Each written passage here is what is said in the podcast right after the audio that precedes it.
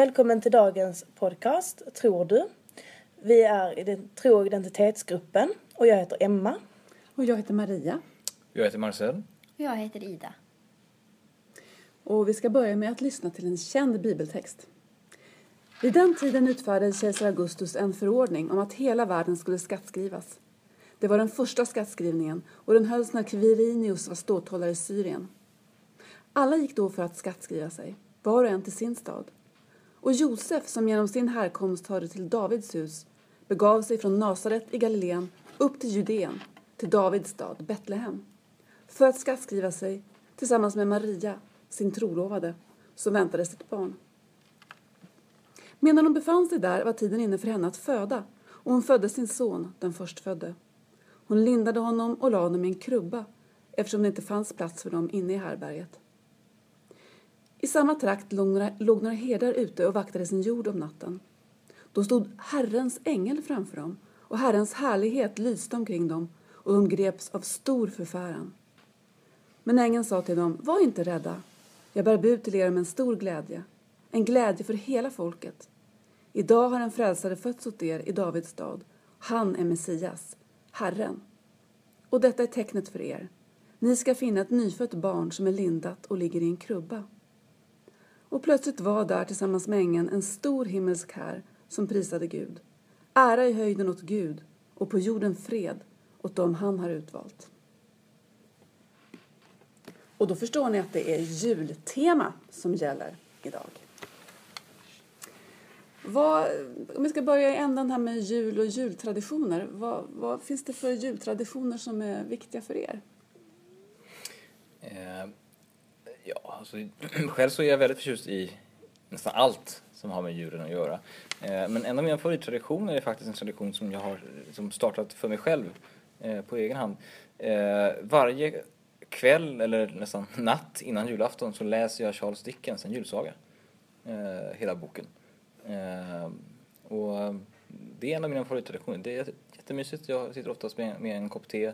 Eh, nu har jag ingen brasa att sitta framför men jag kanske slår på en, en DVD-brasa på TVn eller något sånt. Eh, och lyssnar på julmusik och, och, och plöjer Dickens. Eh, det är nog min personliga favorit bland liksom. Kan du berätta någonting om julsagan? Det är kanske inte alla som har läst den. Eh, den handlar om en eh, smått elak och eh, girig eh, säga, eh, finanshaj, som man kan kalla det nästan, i eh, 1800-talets London. Eh, som eh, under julnatten får besök av tre spöken i syfte att omvända honom och göra honom till en godhjärtad människa igen. Så att han börjar fira jul och Blir som folk. blir som folk, precis. Och det är ju en väldigt så här, sentimental berättelse eh, och kanske den mest filmade julberättelsen tror jag faktiskt nästan. Eh, det finns ju hur många versioner som helst med den på film. Allt ifrån med Musse Pigg som huvudkaraktären till, till ehm, ja, diverse musikalversioner och allt möjligt. Liksom. Så det är en väldigt populär berättelse. Världen över. Vi har väldigt få jultraditioner eh, rent allmänt. Ehm, och verkligen få. Det kan, vi har ätit allt från sushi på, istället för julbord till hästfilé till oxfilé. Ehm, ibland går jag i kyrkan på julen, ibland gör jag inte det. Ibland firar jag med familjen, ibland har jag firat med andra, ibland i hemlösa i kyrkan eller någonting. Um, vilket gör att man inte har så mycket traditioner, men jag tycker ändå om allting som har med julen att göra, speciellt innan själva julafton. Så att en jultradition skulle snarare då kanske vara alla kvällar innan själva julafton man, precis som Marcel säger, sitter och dricker te och lyssnar på julmusik och äter mandariner kanske och bara filosoferar över jultiden som sig. Och ja, ja, jag älskar julafton. Eh, jag har också turen att jag firar två stycken julafton. Eh, en på pappas sida och en på mammas sida. Och jag älskar allt som har med julen att göra. Julklapparna och julstämningen och sångerna och så. Eh, och just att vi har det två gånger. Det gör ju en skillnad. En i december och en i januari. Den trettonde, dag, trettonde dagen till och med. Ja, blir det väl. Mm. Precis. Och vad beror det på? Det är för min, eh, min mor, hon kommer från forna Jugoslavien ehm, och är grekisk ortodox. Och där, när hon kommer från mormor, de, de firar då den dagen istället. Medan farmor och de, de är då kristna och firar julafton den 24 som alla andra svenskar gör här. Så att eh, vi får två julafton och det är väldigt roligt. Så att för mig som älskar det då blir det dubbelt upp rakt av. Ja, för mig så är det väldigt mycket mm, ja, familj och julmusik som gör julen speciell. För vi brukar alltid samlas, eh, de, de släktingar som finns i närheten i alla fall, det är inte supermånga, men vi som finns i närheten vi brukar alltså alltid samlas på julafton, antingen hemma hos mig eller hos min bror. Så det är ett tillfälle när man vet att man får träffa släktingar som man tycker om som man inte ser så ofta. Och så brukar vi alltid sätta på juloratoriet. Eh, det första jag gör när vi går upp på morgonen. Så spelar vi Bachs juloratorium. För det har vi sjungit flera gånger, både jag och min man. Vi tycker jättemycket om att, att sjunga den här julmusiken. Så det, för mig är det jul. När juloratoriet strömmar in i högtalarna och familjen är på väg. Ja, det är härligt med julen just med familj och vänner och så. Mm, alltså jag, jag tycker att det, alltså det, på något sätt är det ju helheten nästan. Alltså, eh, familjen, vännerna, men också julmusiken och dofterna och eh, alltså dofterna av, av, ja men kanske en apelsin som hänger i fönstret eller julgranen och eh, maten och alla de här sakerna som spelar in liksom. Och själv så vill jag ju gärna helst att det ska vara snö utomhus också. Ju mer desto bättre. Mm. Eh, även om eh, snön gör sig naturligtvis bäst när man är inomhus tycker jag. Men, Precis. Det skulle bli en riktig snö i vinter idag ju, så att men vad finns det för jultraditioner, alltså som, jag tänker var allting kommer ifrån? Det här med julgran, är det någon som vet varför vi har julgran inomhus? Det är en helt konstig sed. Vad jag har hört så är det en hednisk tradition från början att man liksom, alltså precis som man kanske tar in björkris på midsommar så, eh, och liksom lövar och så, och så ställer och gör fint så, så har man liksom tagit in och dekorerat med eh, men gran, eh, vilket jag har förstått kommer från Tyskland från början. Sen kom till Sverige under kanske, jag tror att den första svenska julgranen fanns på 1700-talet eller något sånt. Ehm, och sen så ehm, Ja, men om man tittar i anglosaxiska länder där brukar man ju dekorera med mistel och järnek och sådana saker. Så man tar in gröna växter Ja. som är gröna på vintern helt Precis. enkelt. Mm. De, de få växt, eh, växter som är gröna på vintern för att liksom det, det, jag tänker mig att det är någon slags som, lite av en fruktspädd påminnelse ändå om, om hur, hur eh, även om allting liksom ligger synes, till, till synes dött under snön så, så lever det i alla fall liksom. Så att säga. Mm. Jag har hört att eh, en av traditionerna till varför man klär granen och förut så hade man ännu mer godsaker i granen än vad man kanske har idag. Och det var för att eh, stadens borgare tyckte det var roligt att klä granen med godsaker. Och sen så 20 Knut så kunde man bjuda in de fattiga barnen så fick de slåss om att få tömma den här granen. Så hade de någonting att roa sig åt medan de satt där och bolmade på sina cigarrer. Eh, vilket kanske inte är en jätterolig sak att tänka på.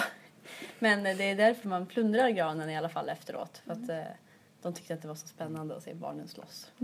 Alltså, ju- julgranen var ju en, en eh, från början under 1700-talet en, en överklasstradition och sen så blev det en, eh, en eh, som småborgerlig tradition under 1800-talet för att sen bli folklig slutet av 1800-talet, början av 1900-talet.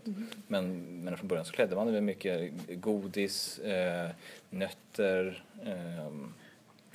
svenska flaggan har varit populär som, som julgransdekoration. Det ser man ofta på gamla vykort. Eh, Men det är inte speciellt kristet med att ha en gran egentligen, eller? Nej. Nej, jag kan tycka att det är kanske en tradition som vi har tagit in och förkristnat på något sätt i och med att ändå många har eh, någon typ av stjärna i toppen kanske vilket väl symboliserar stjärnan som helarna följde i enligt traditionen och att man har änglar som hänger på, gra- på som dekorationer och julpumlor med olika små dekorationer och sånt som är kristna. Och väldigt många kyrkor tar ju in granar i kyrkorummen också. Ja, det är sant. Eh, som, som, som smyckning dekoration. Men de brukar sällan vara klädda. Det brukar vara ljus i kanske, men inte mer än så. Och kanske en stjärna i toppen. Tror jag. Just det. Det blir som en, en ersättning för blommorna på altaret kanske.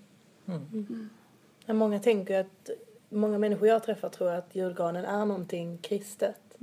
Så när vi hade det i skolan då så ville ju många inte ha en julgran för att det skulle förknippas när man skulle prata om alla religioner och att man inte firar jul. Många firar inte jul på skolan eh, för att de inte var kristna och därför skulle man inte ha en julgran. Men då menar vi på att ja, men den har ju faktiskt inte med kristendomen att göra egentligen utan det är mer en svensk tradition att ha en julgran. Så att många förknippar mycket med just kristendomen även fast det är svenska traditioner egentligen och inte har med Jesus födelse eller ja, kristendomen att göra. Just det är en av de roliga sakerna med, tycker jag ibland med, med, med, eh, med julen och så hur de liksom sekulära traditionerna och kyrkotraditionerna går in i varandra och ofta så sammanflätas de på ett märkligt sätt för att de har gått samman i några hundra år liksom. Eh, Medan väldigt många av dem, en del av, har ju liksom ett, ett kristligt eh, ursprung och vissa har ju ett, eh, ett rent sekulärt ursprung eller kanske ett hedniskt ursprung då, som, som jullördagen kanske har. Mm. Uh, så julen är ju någon slags smältdegel liksom, mm. där saker och ting har, har formats under ja, men egentligen ett par tusen år. Tusen mm. år. Jultomten, var kommer jultomten ifrån? Oh, han är ett helgon. Sankt, eh, du ska se om jag kan uttala det rätt, Nikolaus. Ah, okay. ja. Mm.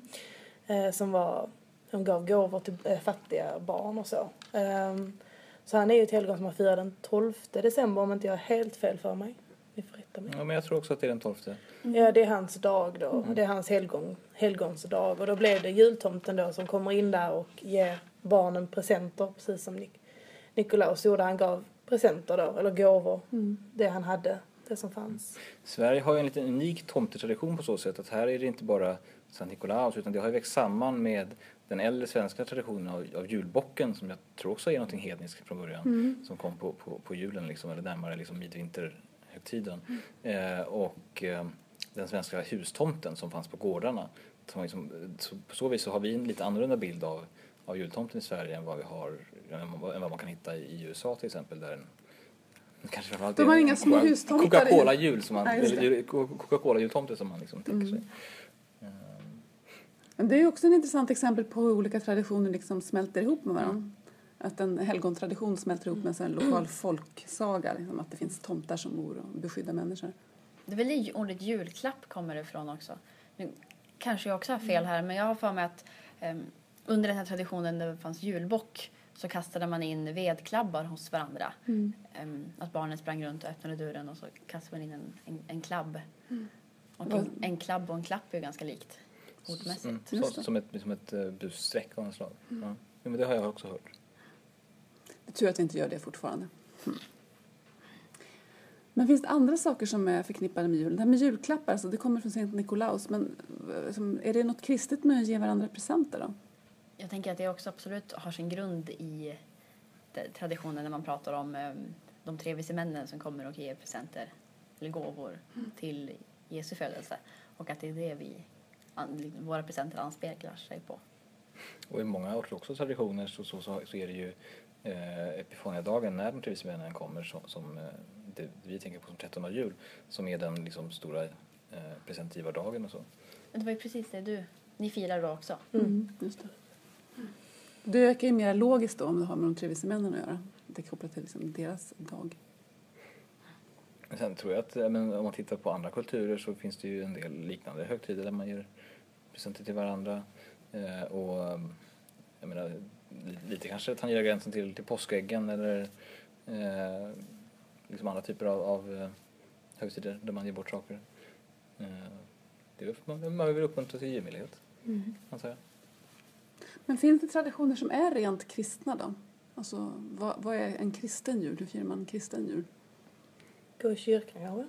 Att man går på gudstjänsten som de har på, eh, på julafton. De oftast har det på kvällarna. Mm vet jag om att vår församling hade i alla fall eh, sent på kvällarna. Eh, kunde man gå dit med sin familj mm. och eh, fira jul där helt enkelt. Eller Jesus födelse då. Mm. Ja, det finns väl nästan två parallella traditioner. Dels den här mer gammaldags julottan, att man går tidigt, jättetidigt på juldagen. Är det också det som nog har tagit över mer det här med midnattsmässor som är på julaftonskväll? Mm. För så var det, när jag växte upp då var det väldigt ovanligt med midnattsmässor men nu har det blivit vanligare och vanligare. Den har ju fått en, liksom en, en renässans de senaste 15-20 åren kanske. Något sånt. Mm. Så har midnattsmässan ökat i popularitet. Eh, kanske är svårare att få upp folk på morgonen på julottan. Kan mycket väl vara så. det är lättare att stanna ja, uppe. Där, där är det också så att eh, när från början kanske låg klockan fyra på morgonen så ligger den ju nu ofta klockan sex på morgonen eller sju eller åtta till och med. Mm. Eh, jag vet inte om det finns på sina håll ännu senare än så men där går väl gränsen för att få kalla det för julottan då. Jo, precis. Det kanske firades på morgonen förr. Det gör man ju i USA så. Då firar man den 25 och inte mm. den 24. Så det kanske var för att likna det. Men sen så var det kanske då lite jobbigt att gå upp på morgonen. Och därför valde man istället på kvällarna. Det är, det är väldigt mysiga gudstjänster faktiskt, just för det är så mörkt ute och så är tända ljus och så. Väldigt, väldigt mysigt. Ja, det är of- ofta tycker jag att, att eh, midnattsmässan på, både på julen och på påsken kan vara- höra till de starkaste gudstjänsterna. Därför det blir så tydligt där med ljuset som besegrar mörkret. Det känns väldigt levande. Jag brukar försöka gå på både midnattsmässan och julottan. Men å andra sidan så är man ganska så utslagen under jul, juldagen sen så man får, man får göra en avvägning vad man bedömer som det, som det, Mm. som det viktiga. Men sen så, vi har ju, jag vet inte om det är typiskt för svensk tradition, men just det här att, vi, att aftnarna blir så viktiga. För julafton är ju hos oss nästan viktigare än juldagen. Och, och det är egentligen mera påskafton som man samlas och gör saker snarare än påskdagen. Likaså midsommarafton och, Ja. och valborgsmässoafton och så vidare. Det är, det är en liten märklig svensk egenhet att vi förlägger firandet till aftnarna så. Men vad jag har förstått så är det ju så att det judiska dygnet från början eh, inleds ju på, på kvällen, dagen innan så att säga. När solen går ner så påbörjas det nya dygnet. Eh, och så har det ju blivit någon slags förskjutning i, eh, i, i, i firandet eh, i Sverige där man nu är det nästan snarare när vi tolvslaget den 23, mellan den 23 och 24, då börjar julafton liksom, säger folk. Då, då, börjar, då, då dyker det upp god jul önskningar på Facebook liksom. Men det är ju sant att, att, um, att det här med att det är hälsmålsringning klockan sex på lördagar, det är just att markera att nu börjar sabbaten, alltså söndagen börjar egentligen klockan sex kvällen innan. Så det kan ju mycket väl ha med det att göra. Att man liksom inleder på allvar när det börjar. Sen så just julfirandet eh, har ju traditionellt varat i, i, eh, i 12 dagar och så har det avslutats med 13 jul då. Eh, det är där det begreppet kommer. Sen har vi 20 jul i Sverige också, vilket är, jag tror bara det är vi och Norge som har det. Som ibland kallas för 20 Knut, för att Knut har namnsdag. Men en, en liten, liten rolig kuriosa är att vi har ju annandagen kvar som, som röd dag i våra kalendrar. Men fram till 1774 så, då, då eh, genomförde man en reform i Sverige som kallades, kallades för Stora helgdagsdöden. Eh, innan dess så var även tredje dag och fjärde dag jul allmänna helgdagar. Och likaså tredje dag och fjärde dag eh, påsk och pingst. Så att, eh, man, tyckte, man tyckte helt enkelt från statens sida att folk är för liksom, lediga, de borde jobba hårdare. Så avskaffade man en, en, en rad eh, gamla helgondagar och sånt som, som låg kvar sedan innan reformationen. Så innan man hade semester så hade man helgondagarna, men sen tog de bort dem. Precis. Nej, men just med att fira en kristen jul. eh, Det gör man inte kanske så ofta egentligen. Man tror att om man firar jul så är man kristen. Men många firar ändå jul men inte gör det på det kristna sättet. Kanske går i kyrkan. För att det är ju tomten och sen är det julklapparna och sådär och julklappsspel och lite sånt där roligt. Och där kanske man inte ser kristendomen på samma sätt som kanske man går i kyrkan eller inte. Så att mycket av julen har egentligen med svenska traditioner att göra och inte kanske mer med Jesus i sig. För många då, det är alltid olika beroende på vad man tror på. Men man kan också fundera att även om det inte finns kanske så många av våra stora traditioner som att ha julgran och så som är specifikt kristna så har ju ändå en del traditioner utvecklats som är kristna kring julen. Jag tänker på bland annat det här med att man har alternativ jul ofta i församlingar där man bjuder in folk som är ensamma eller hemlösa. Precis. Också en här som har kommit på senare år, jag vet inte om ni har hört talas om det, men Buy Nothing Christmas. En slags liksom eh, uppror mot eh, kommersialiseringen av julen, att man gör någonting annat för pengarna, någonting bra för andra istället för att köpa julklappar som, ja, som kanske är meningslösa eller som inte, inte behövs till människor som redan har allting. För jag tänker att det finns ändå liksom försök att göra saker som är kristna då i anslutning till julen. Men det är ju väldigt fint eh, just när det kommer till, precis som att när det börjar i december, första december så börjar alla bli mer så här, de vill ge mer. Människor blir lite så lite snällare och bara åh nu är det jul och ska vi ge till exempel de som inte har, det finns många insamlingar som jag vet samlar in eh, gamla leksaker till andra barn som inte får julklappar och man ger pengar, man hjälper till och särskilt i USA vet jag att de hjälper till mycket i så här soppkök och skänker och så här tiden och det är precis som att det är lite så det härliga i julen kan jag tänka mig att där kommer också den här kristna att man ska vara alltså man ska vara snäll mot sin medmänniska. Alltså jag tänker att det är det Jesus, Jesus lär oss att vi ska älska vår nästa som oss själva. Och det gör man ju genom kanske att, inte material som grejer och så, men materiella grejer, men att folk ger allt de kan liksom till varandra och det kan jag tycka är väldigt fint med julen. Att det finns människor som inte har någonting men ändå fortfarande ger och försöker. Och det är, det är väldigt fint och det kan jag tycka har en sorts kristen inbördes kanske där. Att man är snäll mot alla. Det blir- blir ju så med, med, med en, en en högtid eller en tid som så mycket är förknippad med, med just familjetraditioner att, eh, menar att människors ensamhet blir desto större och påtagligare eh, i, i de sammanhang där man kanske inte har en familj att vända sig till eller så.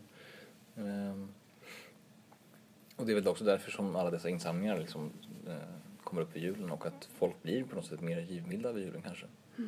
Eh, Vi har ju, Svenska kyrkan har ju sin, sin eh, stora julkampanj. Mm. Eh, Det är ju den jämte fastinsamlingen som är de- stora insamlingarna till det internationella arbetet varje år. Mm. Och det ligger väl någonting i det också, tror jag. Jo, att det är ett tillfälle att tänka på andra. Alltså när, när någonting som man själv uppskattar och någonting man får, liksom, en fantastisk högtid, så kan man också ha ett behov av att dela med sig själv till andra.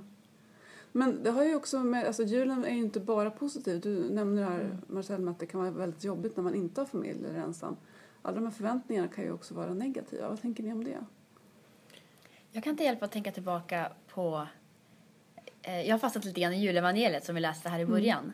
Och ehm, den bakgrunden. För att oftast när vi pratar om julen idag så pratar man om den här väldigt mysiga situationen och hur Jesus kommer till oss och det blir ett litet barn. Och barn är ju väldigt gulliga och man ser det hela som en väldigt gullig situation. Och man sätter upp lilla krubban och lilla kärnfamiljen står där och det är så himla fint allting. Men så tänker man på eh, jag tycker så mycket om just meningen eh, som är Maria lindade honom och la honom i krubban. Och om jag har förstått rätt nu så säger den judiska renhetstraditionen så att en kvinna som har fött barn är oren en ganska lång tid efter att hon hade fött barnet. Och de påpekar också i, i den här texten att Maria är ensam i stallet. Vilket innebär att Maria är en 14-15-årig kvinna som helt ensam föder ett barn. Tar hand om barnet, lägger honom i en smutsig djurmatlåda och är ensam i det här stallet med det här barnet i flera dygn. Josef måste väl ha varit med? Nej, Josef fick inte vara där i och med att han är man och hon är kvinna innan hon hade genomgått renhetsriterna efter att hon hade fött barnet. Vilket innebär att hon som så ung tjej är helt, helt ensam. Vilket är så extremt utsatt och så otroligt. Och så vet Inte. att de är efter en också. Ja. De dödar ju alla pojkarna, förstfödda. Liksom. Och hur det är...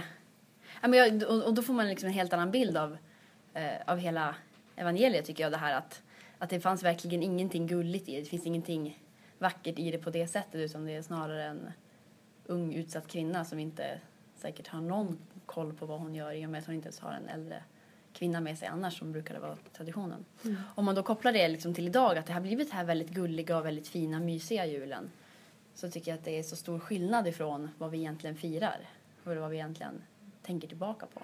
Om man försöker leva sig in i berättelsen som den berättas så, så hör man att det är någonting annat som sägs egentligen. Det var inte så ombonat och varmt och gulligt utan det var ganska hårt och utsatt egentligen när det hände.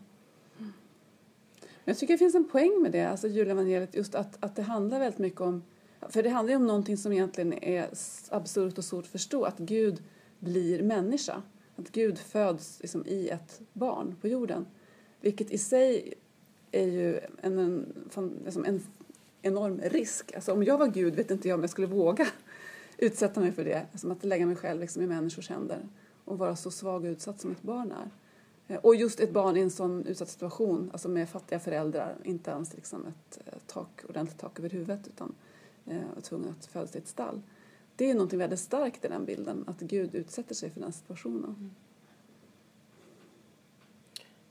Om man sen kollar vidare på andra, om man tittar just på evangeliet, men om saker som är ensamma människor på julen, så händer det ju väldigt mycket tragiskt också under jultiderna. Det är många som känner sig ensamma och mår dåligt på grund av att de känner sig ensamma. Och därför tycker jag att det är bra att det finns organisationer som hjälper. Även om man kanske vill ta emot det, för ibland så kanske man känner sig ensam, att man, nej men jag vill inte ha er medlidande liksom.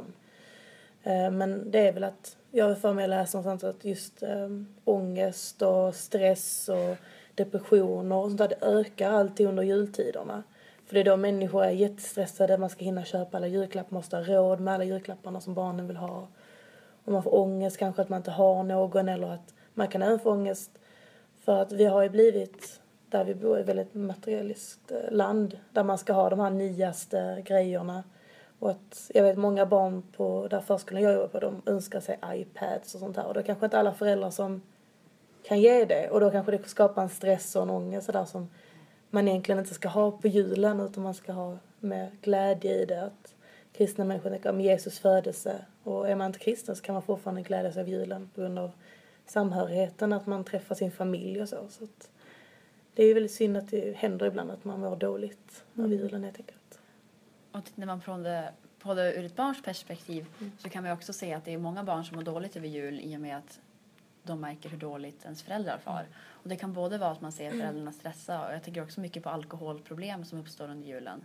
Och att det inte alls är den fantastiska glittrande högtiden det kan vara utan det är många som istället går runt med en klump i magen bara för att mamma är så stressad eller nu kommer pappa dricka mycket mer de här dagarna än vad han gör annars. Och hur det verkligen påverkar barn. Där finns det ju ett, eh, en väldigt beundransvärd eh, kampanj som kommer varje år som drivs av Ungdomens nykterhetsförbund och eh, IOGT-NTO, Vit jul, eh, som syftar till att man ska avstå från, vuxna ska avstå från, från alkohol för barnens skull eh, i samband med julhögtiderna. Just därför att det blir den här eh, med vuxna som dricker för mycket okontrollerbart där, eh, där barn far, far illa eller bara genom att med vuxna kanske, med vuxna som dricker får ett ändrat eh, sätt så att säga. Och det märker ju barn, absolut. Det är skrämmande. Ja. Som att se vuxna förändras på det viset. Så just barn är väldigt, kan vara utsatta då, som sagt. Och även kanske om man, just det här med att man inte kan få få det man vill ha. Alltså så, det händer ju så ofta. Att, ehm, och det kan vara lite synd ibland att man, för mig är julen, jag tycker om jul jättemycket då och för mig är den också om Jesus födelse. Det- För mig är det fint liksom att Gud har blivit människa, han har kommit till oss och så här. Ehm, och så ibland ser man att vissa de är bara julen för att ja men då får jag presenter och då får man massa grejer. Och det är också en sån, det kan vara så olika, det kan vara så stor skillnad på hur människor firar julen just när det kommer till de olika presenterna och högtiderna och så. Jag tänker ofta på just, jag vet inte om ni har hört talas om eh, traditionen kring den heliga natten. Um, alltså, änglarna säger ju mm, att ära åt Gud i höjden och på jorden fred. Att, och det finns ju en gammal så här, kristen tradition att man trodde att ingenting ont kunde hända på julnatten. Att vargar och lamm skulle kunna läggas ner tillsammans med varandra för att ingen kunde liksom göra någonting ont mot någon annan på julnatten. Eh, och det kallar man för att den heliga natten. Har ni hört talas om det? Eh, lite grann, men just där finns det en väldigt intressant berättelse som, som jag tror inte det, som faktiskt är, den är, den är samma och historiskt verifierbar. Eh, att för, ja men det blir hundra år sedan i år, i eh, skyttegravarna under första världskriget i, i Frankrike och Tyskland och så, där det var eh, tyskar och österrikare och italienare på ena sidan och, och fransmän och eh, britter och ja men även indier och eh, australiensare och nyzeeländare och sånt tack vare liksom kolonialmakterna så att säga, som låg i skyttegravarna och, och besköt varandra i början av, av första världskriget, för det är ju nu ganska precis 100 år sedan som det utbröt.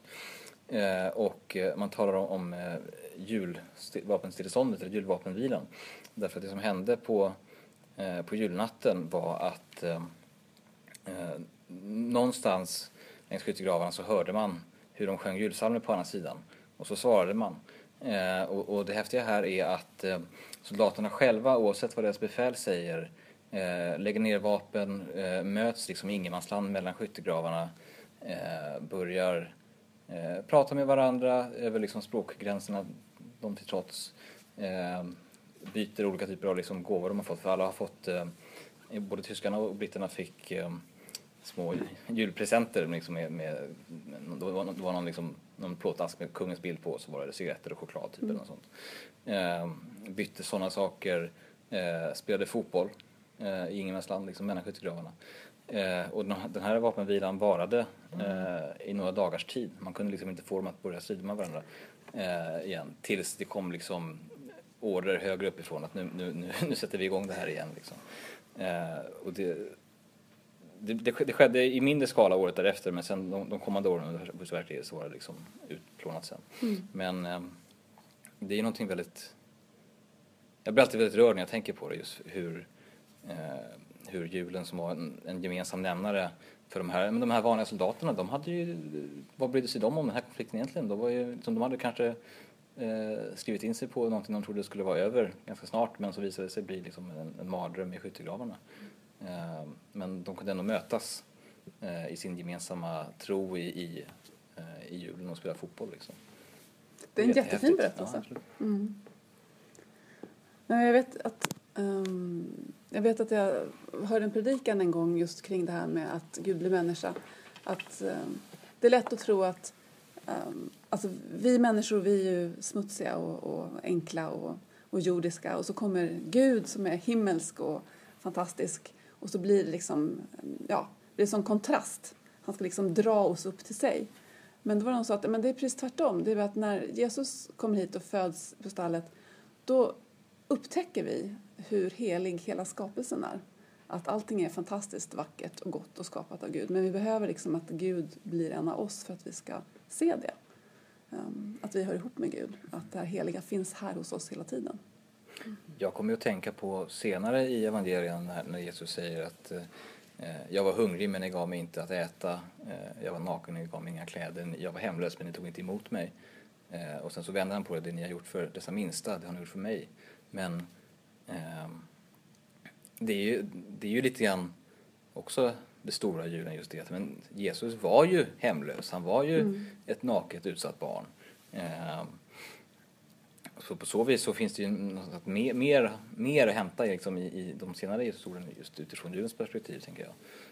Men jag tänkte också, jag tror det var du Emma som sa någonting om det här med att um, det var inte bara det som hände under julen, det som hände efteråt. För att enligt eh, en annan tradition så flydde ju Josef och Maria med barnet utomlands för att komma undan kung Herodes. Mm.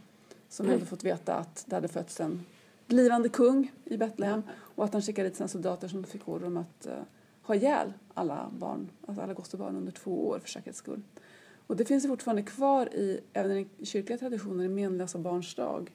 Um, jag tror den, är den 28 december tror jag. Ja, jag tror det. Den, mm. den heter någonting annat nu för tiden. Precis, den heter inte menlösa barns dag längre. Eh, men menlösa var ju liksom oskyldiga, mm. att det var de som var oskyldiga offer liksom, för våldet. Och det är fortfarande, tycker jag, också en väldigt stark påminnelse mitt uppe i julhögtiden om att um, alltså, utsatt, utsatthet och krig och våld finns liksom mitt uppe i, i julidyllen. Och att, ja, på något vis att vi inte ska glömma bort det när vi firar jul. Att det finns fortfarande de som lider runt omkring oss.